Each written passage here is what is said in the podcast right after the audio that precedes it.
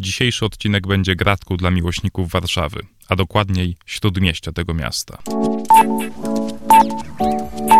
Glosa. Podcast o nowych książkach. www.glosa.info Paweł Adam Piotrowicz, zapraszam.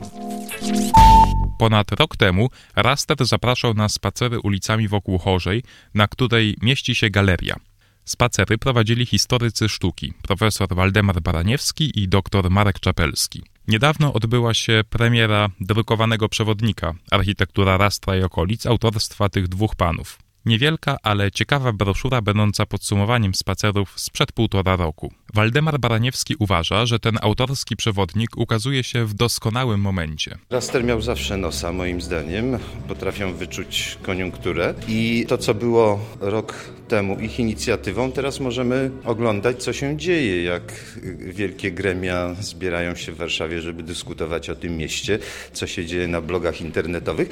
No, Zaczął się ruch. Zaczął się ruch. Warszawa e, rzeczywiście kręci. Zdaniem Baraniewskiego pytania o architekturę Warszawy są teraz aktualne jak nigdy. Do wzrostu zainteresowania zabudową stolicy miały przyczynić się gwałtowne zmiany w wyglądzie naszego miasta. Jedną z takich rzeczy był e, no, brutalny akt zburzenia Supersamu.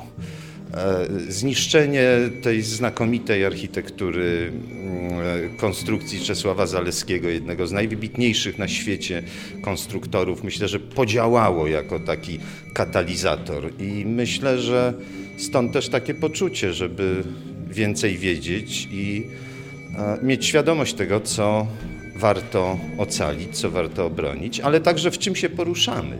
A poruszamy się, przynajmniej w śródmieściu, w dziwnym połączeniu XIX-wiecznych domów mieszczańskich, komunistycznego MDM-u i kapitalistycznych biurowców. Marek Czapelski. Często będzie to spacer dość smutny, gdyż pozostałości dość często są w marnym stanie, no czego najlepszym przykładem jest jeszcze sama kamienica, w której Raster się mieści. Wydaje się, że istnieje specjalny klimat lokalu Rastra, w którym niewątpliwie istnieje dość intrygujący kontrast między promowaniem sztuki współczesnej, a melancholijną atmosferą dobrobytu mieszczańskiego końca XIX wieku, który smętnie przeziera tutaj spod instalacji z lat 60 dowodzących skrajnej niewrażliwości kilku pokoleń modernistów, a przede wszystkim urzędników władających znaczną częścią dawnego prywatnego mienia Warszawy. Autorzy proponują trzy spacery. Na prawo od Rastra, na lewo od Rastra i szlakiem ministerstw.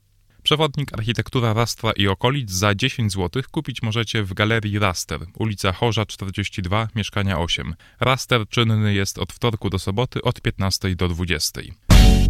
Zapraszam wszystkich warszawiaków do Rastra. Zapraszam też do komentowania na stronie www.glosa.info. Jeżeli chcecie powiedzieć mi coś na uszko osobiście, piszcie na adres glosa.glosa.info.